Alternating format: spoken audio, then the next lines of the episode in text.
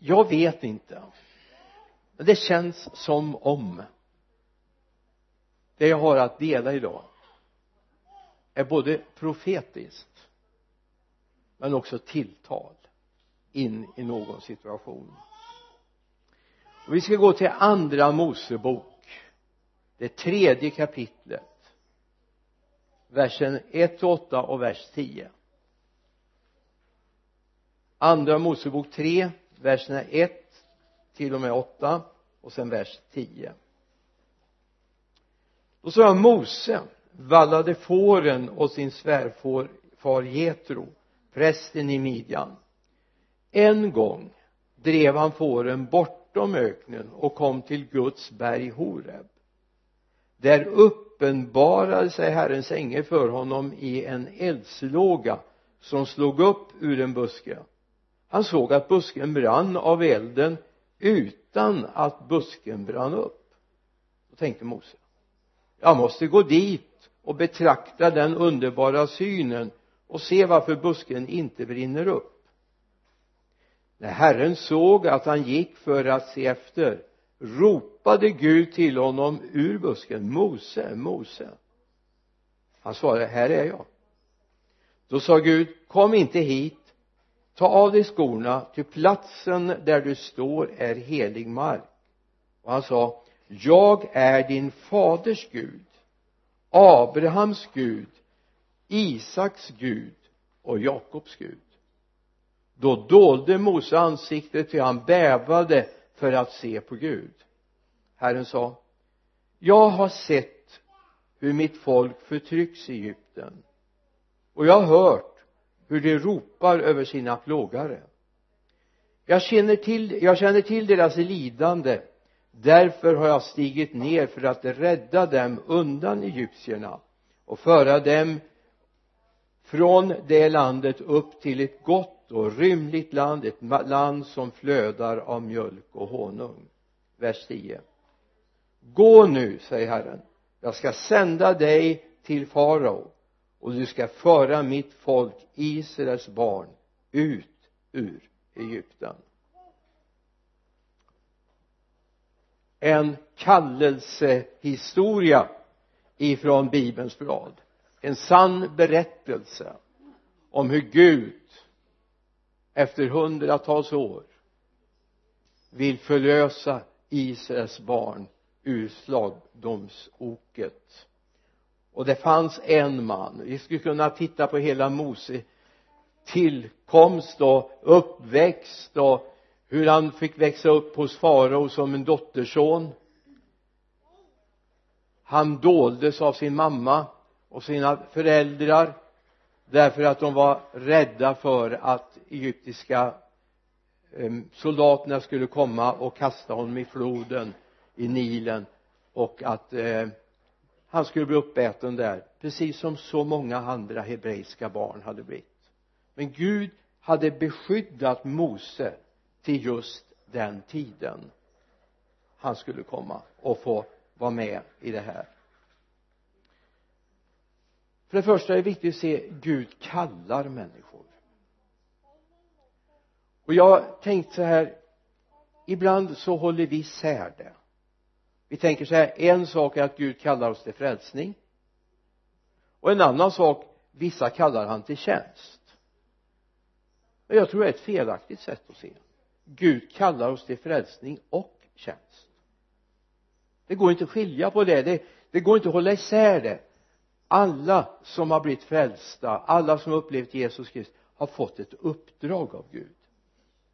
Det kan däremot vara väldigt olika men däremot är det viktigt att vi ser jag har ett uppdrag från Gud.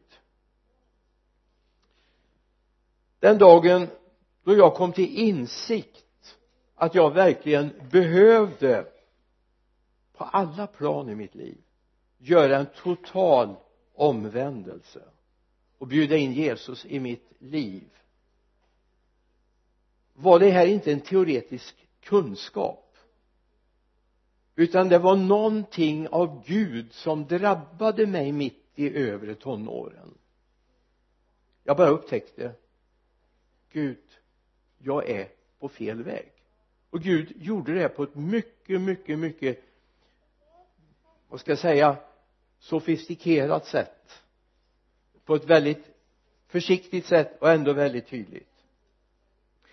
För det var ju så här redan i barnaåren upplevde jag kallelsen från Gud. Jag kan inte sätta exakt ålder men någonstans i fyra femårsåldern. Och det relaterar jag tillbaka till för jag vet var vi bodde när det här hände. Och det flyttade vi därifrån när jag var fem och ett halvt år flyttade vi från det huset. Så det måste ha varit före jag var fyra, fem och ett halvt år. Så drabbades jag av Guds kallelse. Jag levde med en hemlig dröm som barn kan göra ibland. Men jag levde med en hemlig dröm att en dag få förkunna ordet. Jag visste inte vad det handlade om. Jag visste egentligen inte hur man gjorde eller hur man kom dit. Men jag levde med den drömmen inom mig. Och då hade, fick jag helt plötsligt en lite tvehågsen bekännelse. För när människor klappade mig på huvudet och sa vad ska du bli när du blir stor? Så ställde jag mig inte upp och sa så här ja, jag tänker bli pastor. Jag visste ju knappt att det hette det. Utan jag sa faktiskt som många andra barn på den tiden jag sa att jag ska bli lokförare eller brandman. Det var min muns bekännelse. Men mitt hjärtas bekännelse var jag vill förkunna ordet. Jag vill förkunna ordet. Och den nåden fick jag 16 år senare när Gud drabbade mig på nytt med kallelsen att få tjäna honom. Och på den vägen är det ju än som ni vet. Och se, märker om inte annat nu. Ändå jag vet att jag fick kallelsen när jag var 21 år gammal att tjäna Gud. Och jag vet att jag hade en kallelse när jag var fem, fem och ett halvt år eller kanske strax innan fem till och med. Jag vet att det var ett antal år däremellan. Jag hade en, har ändå en dubbel kallelse. Och jag vet om den. Och jag har bejakat den. Ändå. Och lyssna. Ändå får man stanna upp gång på gång. Ställa sig frågan är jag Gud där du vill att jag ska vara? Är jag där? Jag vågar säga att under de här snart 47 48 åren 48 år blir det nu i november när jag började den här tjänsten på heltid för Gud. Så vågar jag säga nästan varje år har jag ställt frågan Gud är jag där du vill att jag ska vara? Jag har gjort det i år också. Är jag där du vill att jag ska vara? Lever jag så som jag ska? Har jag den glöden och kärleken till människor som jag bör ha? Alltså det handlar om att ha en glöd för Jesus men jag måste också ha en glöd för de människor. En kärlek till de människor som man ska betjäna. Och det här är oerhört viktigt att vi har det klart för oss. Gång på gång måste man pröva det. I Johannes 6 och 44 berättar Jesus för oss han säger ingen kan komma till mig om inte fader som har sänt mig drar honom. Och jag ska låta honom uppstå på den yttersta dagen. Ingen kan komma till mig säger Jesus om inte fadern Gud drar honom. Alltså det är Guds kallelse som drabbar oss. Gud var väldigt pedagogisk när han kallade mig. Jag visste ju allting. Jag kunde de flesta av liknelseberättelserna. Jag visste till och med vad de handlade om och varför. Det kunde de ha ni har frågat mig när jag gick första andra årskursen i skolan. Jag var väl imprimerad med Guds ord. Jag satt käpprakt upp och lyssnade därför jag var så intresserad. Någonstans i mitt hjärta visste jag att en dag ska jag stå där. Jag ska dela Guds ord. Jag kände mycket av gamla testamentets texter. Jag ska inte säga att jag var lika bevandrad i gamla testamentet som nya testamentet men jag kände många av berättelserna väl. I mitt hem dolde man aldrig de där krigshistorierna från gamla testamentet utan jag fick del av dem också. De här fruktansvärda händelserna i Egypten när eh, de egyptiska soldaterna slet barnen ur föräldrarnas famnar och slängde dem till krokodilerna i Nilen. Jag fick del av det här. Jag fick del av krigen. Möjligtvis har jag tagit skada av det, det får ni bedöma. Men jag fick djupet i Guds ord. Jag fick djupet jag fick del i Jesu lidandes historia. Jag fick del i korsfästelsen och jag fick lära mig att det som tyngde Jesu hjärta mest det var min synd och din synd. Det var inte gisselslagen det var inte spikarna utan det var att han blev gjord till synd. Jag förstod inte så mycket av det men jag lärde mig det här. En dag när jag var över i tonåren så drabbades jag av någonting. Gud visade mig min tidslinje. Ska vi se. Jo. Här startar det. Så här har mitt liv gått. Här är jag nu. Om jag fortsätter att dra ut den tidslinjen var hamnar jag då? Då insåg jag då kommer jag hamna dit jag inte vill. Jag var övre tonåren. Mycket hade gått igenom mitt liv. Och Gud i sin skonsamhet vill jag säga visade mig vart mitt liv var på väg. Och dit ville jag inte. Det här var punkten som gjorde att jag kapitulerade det var inte bara att Gud visade en dag, två dagar, ett år utan jag såg tror jag ända fram till min pensionsålder som jag nu har passerat. Om jag fortsätter som jag gjorde de åren skulle jag hamnat någon helt annanstans med mitt liv. Och jag visste ju vad min barndomsdröm var. Dit ville jag inte. Det Gud visade mig. Och så kapitulerar jag det här var Guds sätt att dra mig.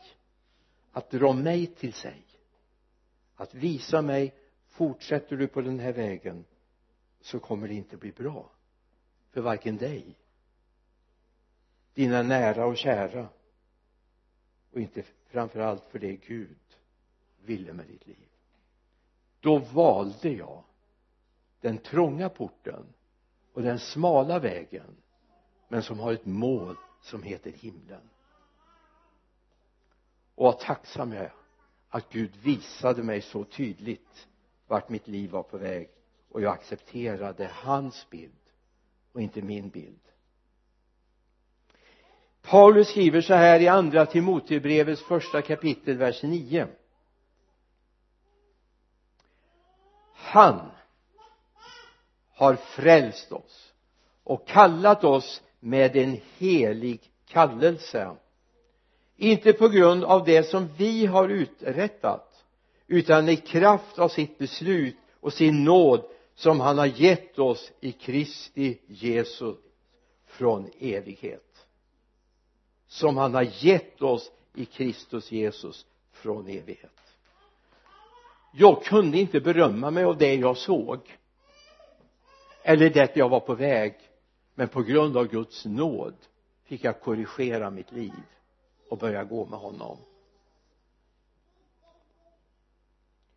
Och det som är så fantastiskt det är att när man gör den där 180-gradiga svängen om vi kör det gamla gradsystemet på kompassen det moderna har 200 grader, 400 grader runt och 200 grader men jag tror man fortfarande i orienterarvärlden håller på med 360 graders kompasser. Så vi tar det då. 180 grader helt om ny riktning på nytt sätt. Då händer någonting. Paulus säger i andra Korinthierbrevets femte kapitel vers 17 alltså om någon är i Kristus och det hoppas jag vi är då är han en ny skapelse det gamla är förbi. Se det nya har kommit. Yes. Du är väl i det nya? Du är väl i det nya? Du försöker väl inte leva kvar i det gamla och försöka samtidigt leva i det nya? Det kommer inte funka. Jag kan bara garantera dig. Det kommer inte att funka. Men Gud har gett oss något nytt. Det gamla är borta nu. Det är förbi. Det har vi lämnat och nu lever vi ett nytt liv tillsammans med honom. Tänk att få vara en ny skapelse. Jag vet inte om du har hört det här uttrycket som sägs ibland. Det är en sak att få oss ut ur världen. Men det är en helt annan sak att få världen ut ur oss. Det är en sak att vi vill lämna världen. Men en annan sak som är betydligt mer komplicerad. Det är att få världen att lämna oss.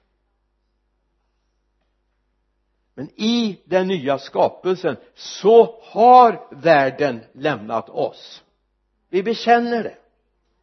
Vi måste bekänna det varje dag. Jag är en ny skapelse.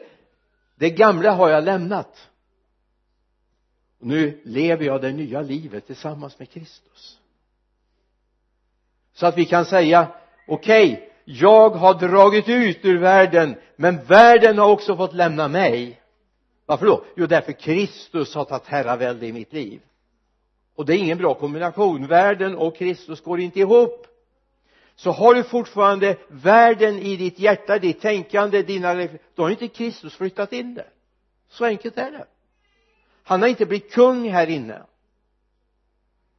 Men han vill vara kung i ditt hjärta. Problemet är att många försöker tolka Guds ord försöker tolka andliga sanningar med världens metoder. Det här är lika lönlöst som jag försökte. Jag startade ju min datakarriär någon gång när eh, de första IBM-datorerna 0086 vad det var operativsystemet hette innan 4.0 och 4.1 och de här kom. Man fick sätta i en sån här stor diskett varje gång man skulle starta upp. Och jag har en packe sån här gamla fem och en halv fem och ett kvarts tums disketter sån här mjuka. Jag har mängder sparat på det. Och så tänkte jag en gång jag bad en kille hjälpa mig att sätta i en sån här gammal diskdrive då för fem och en kvarts tums eh, disketter. Och så tänkte jag försöka läsa det var roligt att se vad man skrev då i början när man startade det här med datorer och sånt. Det var det mest underliga tecken jag har sett som har kommit upp. Jag trodde inte sådana tecken fanns. Och det var totalt oläsbart alla gamla första församlingstidningar jag gjorde till församlingen här ligger på sådana disketter. Jag tänkte jag skulle kunna plocka ut och se någonting. En hel massa predikningar ligger på sådana men jag hade fel programvara. Och så tänkte jag så här, så här är det också när Gud kommer med sitt program. Och vi börjar förstå den här världen utifrån Guds tänkande. För du kan inte förstå Guds tänkande utifrån den här världens sätt att tänka du kan inte läsa Guds ord utifrån den här världens modell. Du måste få Guds ande. Du måste få Guds ande för att förstå. Annars blir det bara lärosatser. Så här står det i första Korinthierbrevets andra kapitel verserna 12 till 14 då säger Paulus så här men vi har inte fått världens ande utan den ande som är från Gud för att vi ska veta vad vi har fått av Gud detta förkunnar vi också inte med ord som mänsklig visdom lär utan med ord som anden lär. När vi återger andliga ting med andliga ord. En oandlig människa tar inte emot det som tillhör Guds ande. Det är en dårskap för henne och hon kan inte förstå det eftersom det måste bedömas på ett andligt sätt. En andlig människa kan förstå andliga ting en oandlig människa alltså en som inte är programmerad med Guds ande kan inte förstå det som hör Gud till. Det är omöjligt. Det är med andliga ting med andliga tankar som vi ska förstå Gud. Annars blir Gud väldigt platt. Gud blir väldigt fyrkantig. Gud blir inte en person utan ett ting, en, en filosofi men Gud är ingen filosofi, Gud är en person som vi ska umgås med.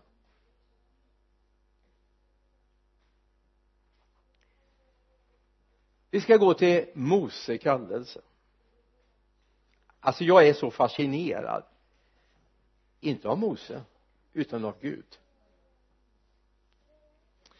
När Mose den här dagen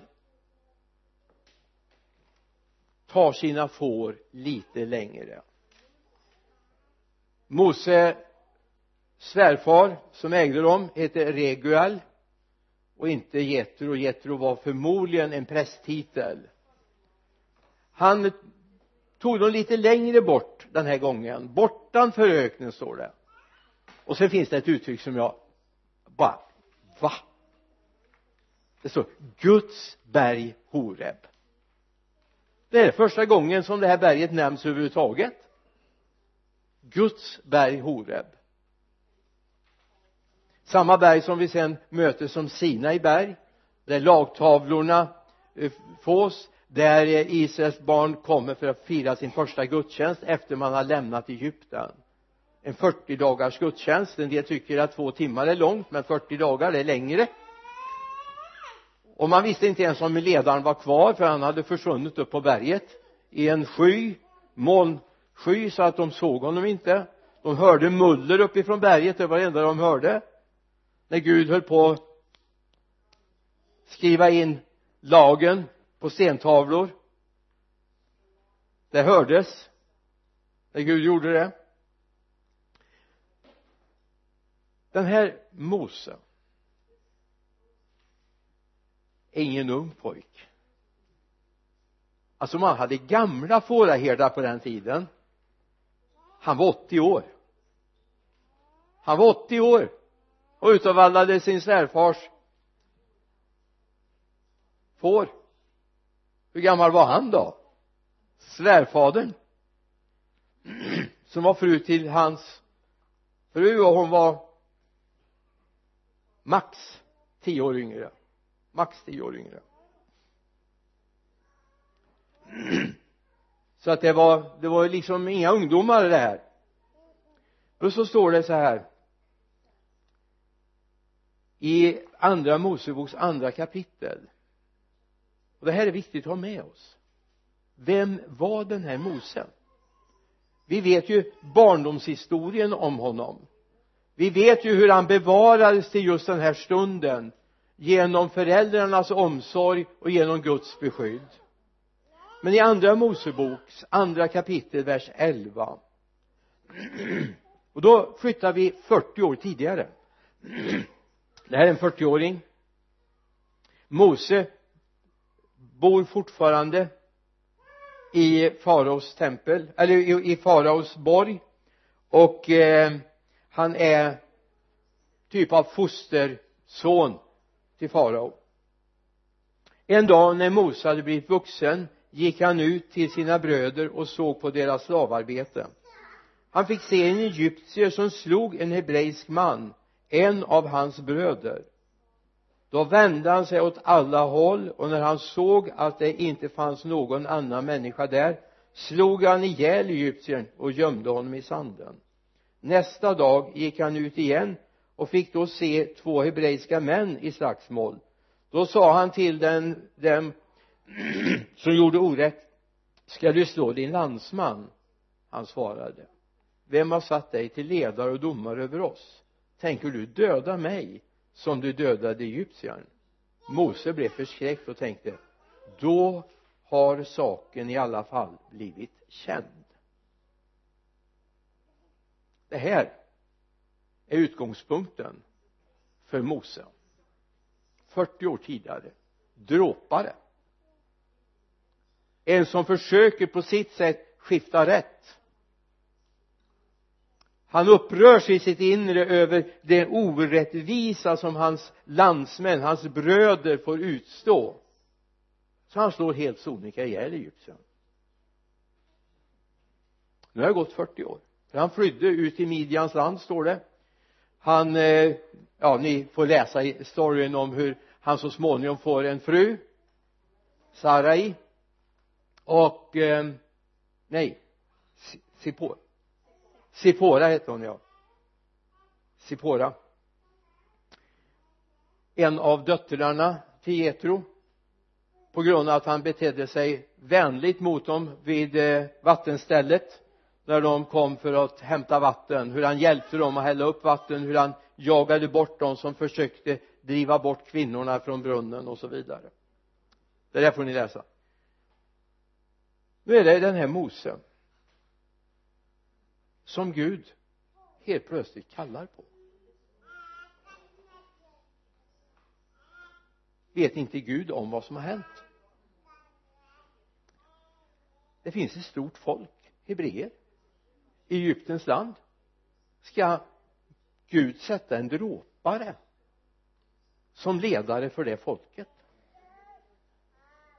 För Gud sätta en dråpare, en mördare som ledare för det folket. Mm. hade du gjort det? Om du hade haft det valet?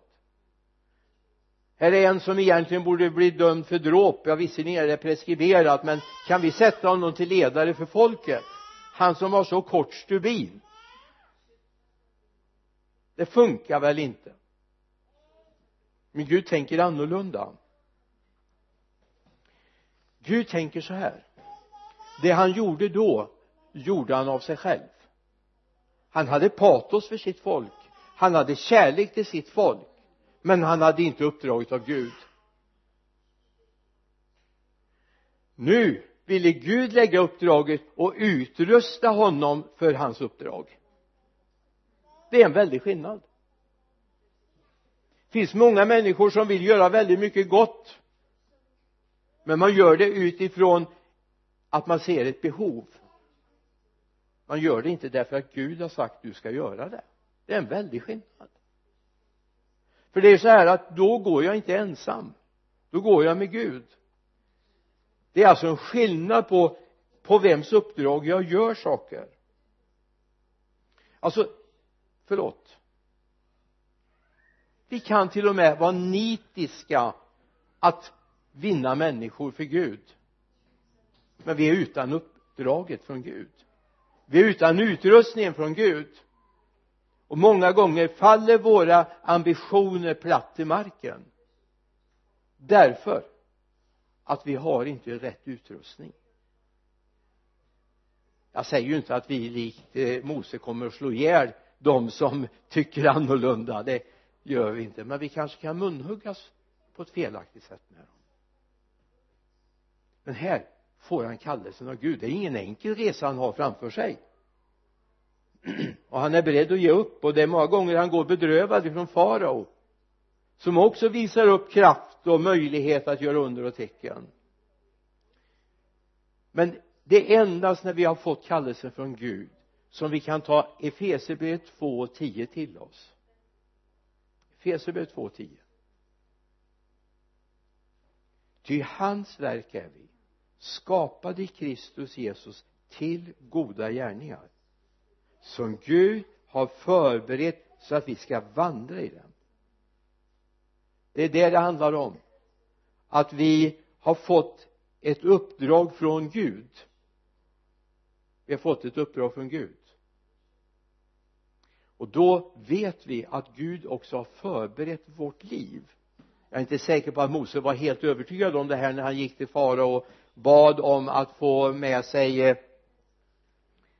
eh, Aron istället därför han var inte talför.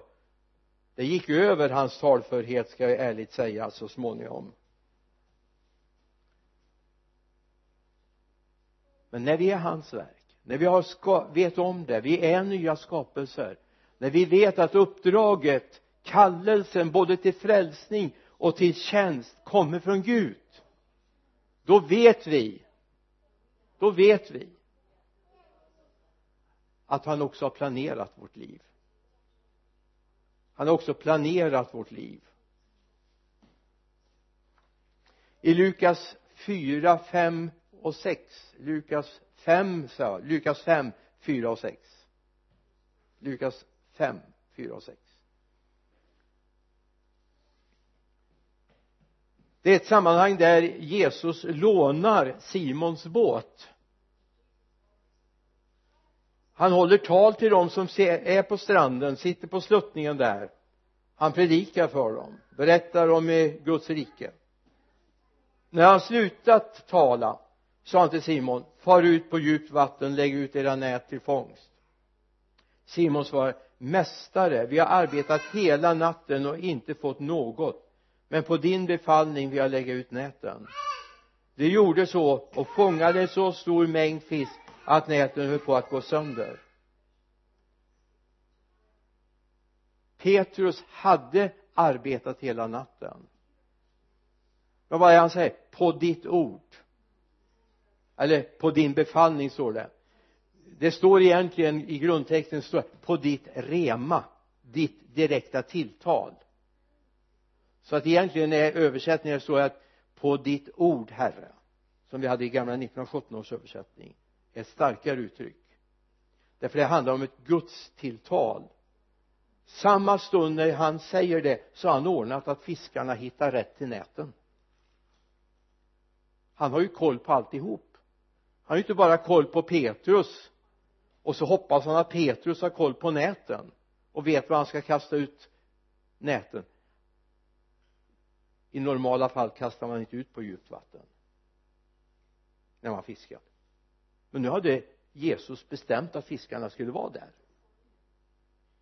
Och lite grann av det här behöver vi få uppleva. Det finns ett samarbete. Jag vet inte jag, hur många av er har sytt på en symaskin? Ni har sytt på en symaskin, bra. Ni vet att det finns en undertråd också. Alltså jag är inte proffs på det här det ska jag säga på en gång. Och sy på symaskin. Men eh, i skolan gjorde man ju det. Sydde gympabyxor som eh, jag och hela klassen kunde komma in i. Det fanns en modell. Och jag vet inte vem som hade stått modell för de gympabyxorna. Men de använde var bäst att använda vi skojade hade dem som flagga på flaggstången på våran lägergård. Man trodde det var någon sjörövarflagga av någon ny modell som hängde där. Men en sak vet jag. Jag sydde flera sömmar ända tills jag bara kände jag kunde bara dra isär det. Det fäste ju inte. Då gick jag till fröken och sa vad är problemet? Har du någon undertro i? Vad är det? Vad är det? Jo den sitter här och så visar hon då vad man skulle sätta i undertråden och hur den skulle träs. Ha! Varför har ingen sagt det från början? Lyssna om ditt arbete ska få en effekt att det ska ske någonting så behöver Gud få dit undertråden också. Och det är Guds tilltal. Det säger inte att vi kan sitta med armarna i kors och inte göra någonting utan det handlar om ett samarbete mellan oss och Gud. Mellan tråden ovanifrån och tråden underifrån. Det är ett samarbete för att det ska ske ett resultat därför behöver vi komma in i ett samarbete med Gud. Jag måste veta att det jag gör, gör jag för Gud.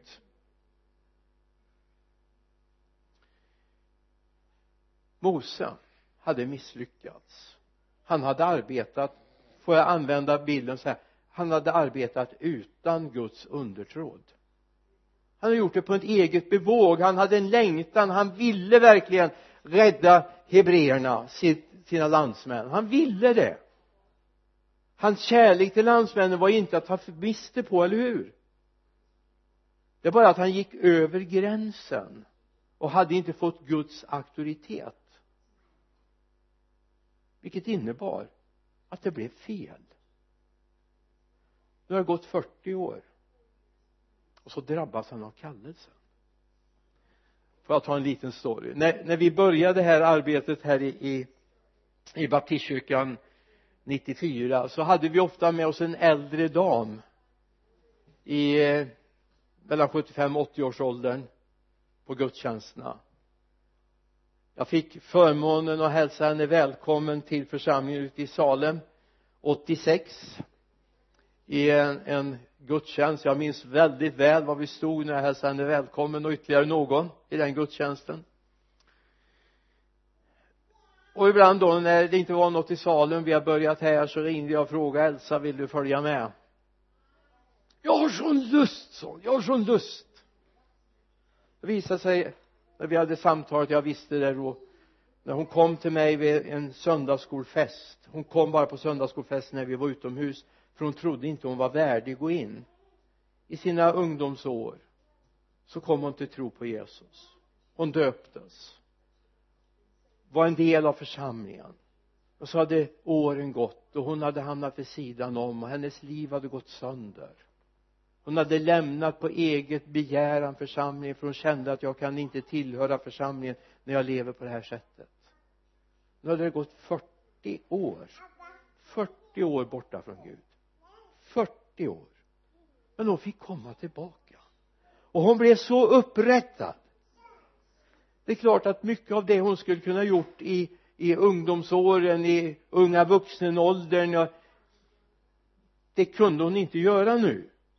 Men hon kunde någonting. Hon kunde be.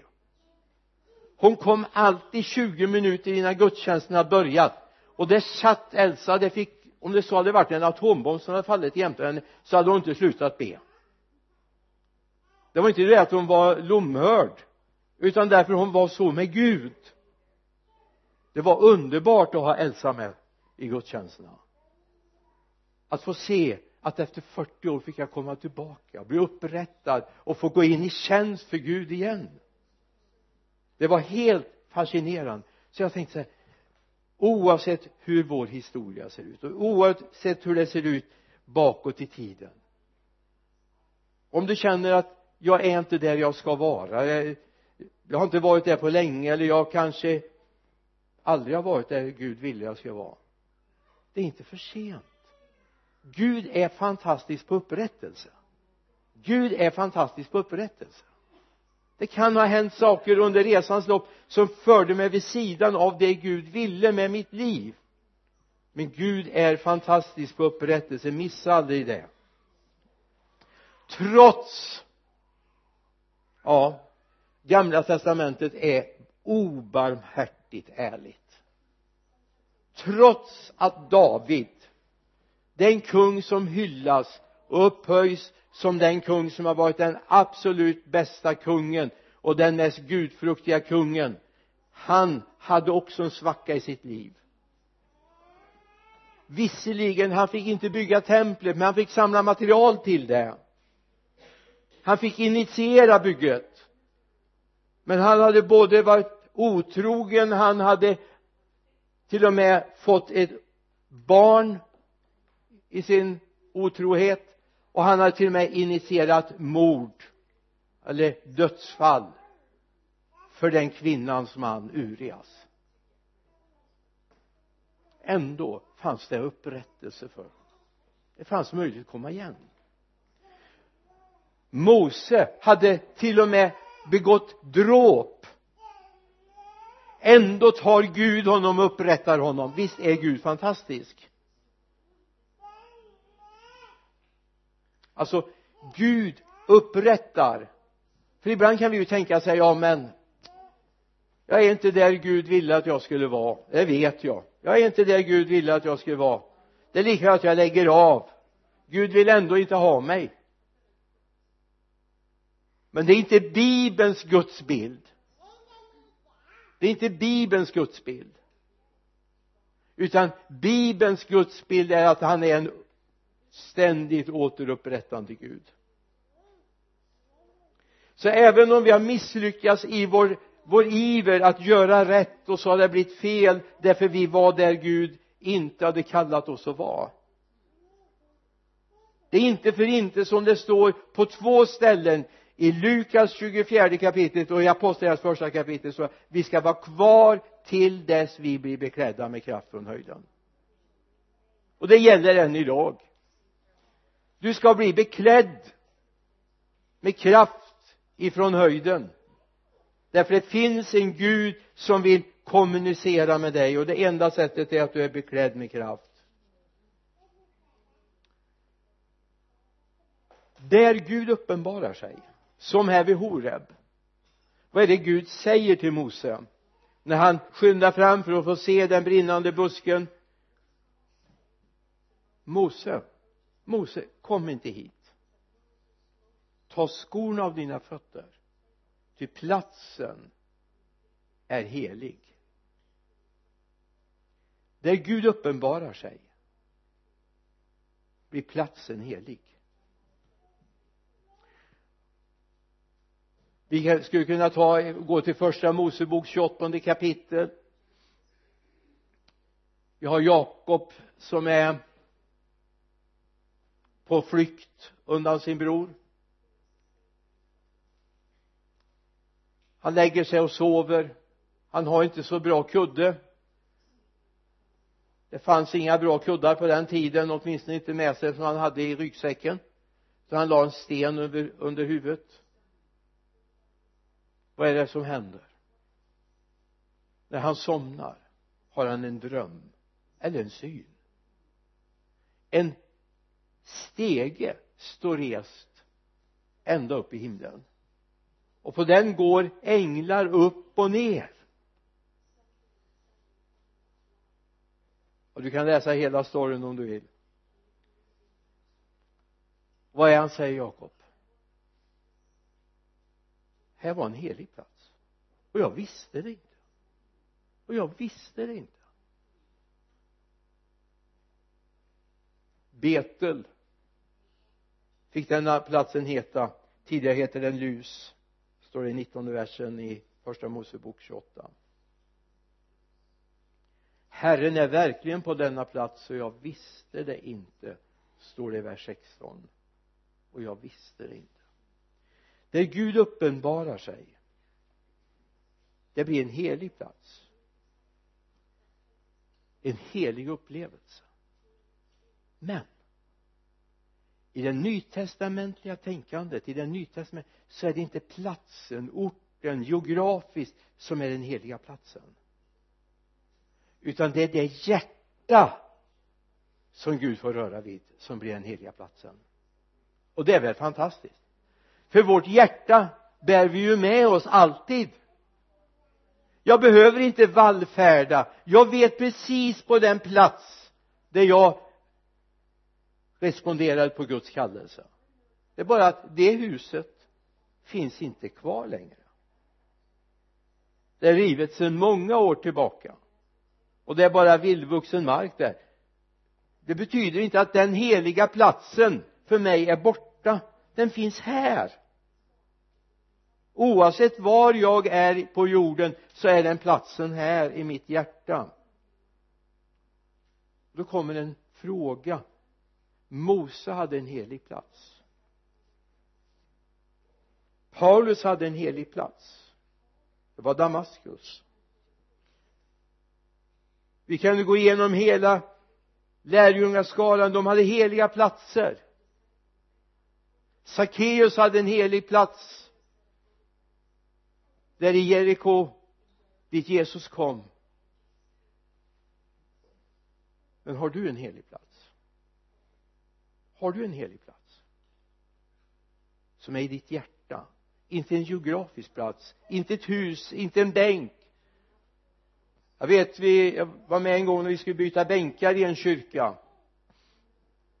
Och eh, den första problemen som uppstod när vi skulle samtala om vilka bänkar vi skulle ha det var frågan kom upp vad ska vi göra av de gamla bänkarna? Alltså vi kan byta alla andra bänkar men inte just den bänken den kan vi väl ha kvar. Varför då? Det var där jag blev frälst. Det var där jag mötte Gud. Ja jag har respekt för den känslan men det viktigaste med mötet med Gud det är ju det som har skett i mitt hjärta, eller hur?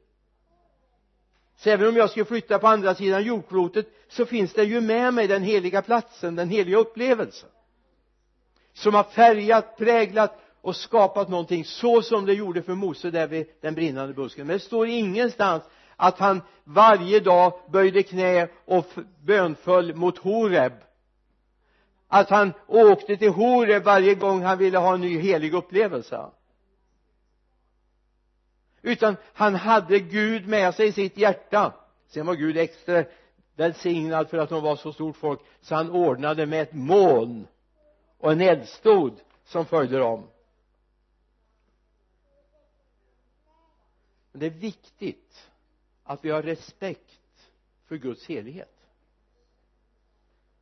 Respekt för varandra. Respekt för vad Gud gör och vad Gud är på gång att göra i våra liv. Än en gång likt Mose fick en helig plats som bar honom ända till den där dagen Gud kallade upp honom på berget för att skåda in i löfteslandet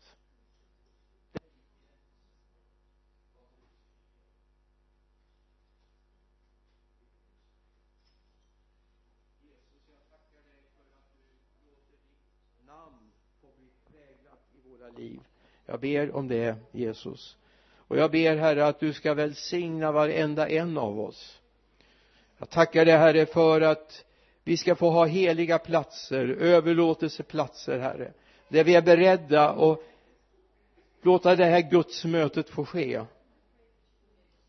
Herre vi kanske inte får en brinnande buske vi kanske inte får ett betel men vi kan få en plats i vårt hjärta som är invigt för tjänst för dig. Herre hjälp oss att aldrig hålla isär vår omvändelse till frälsning och vår omvändelse till tjänst i ditt rike. Jag ber om det i Jesu namn. Amen. Amen. Amen.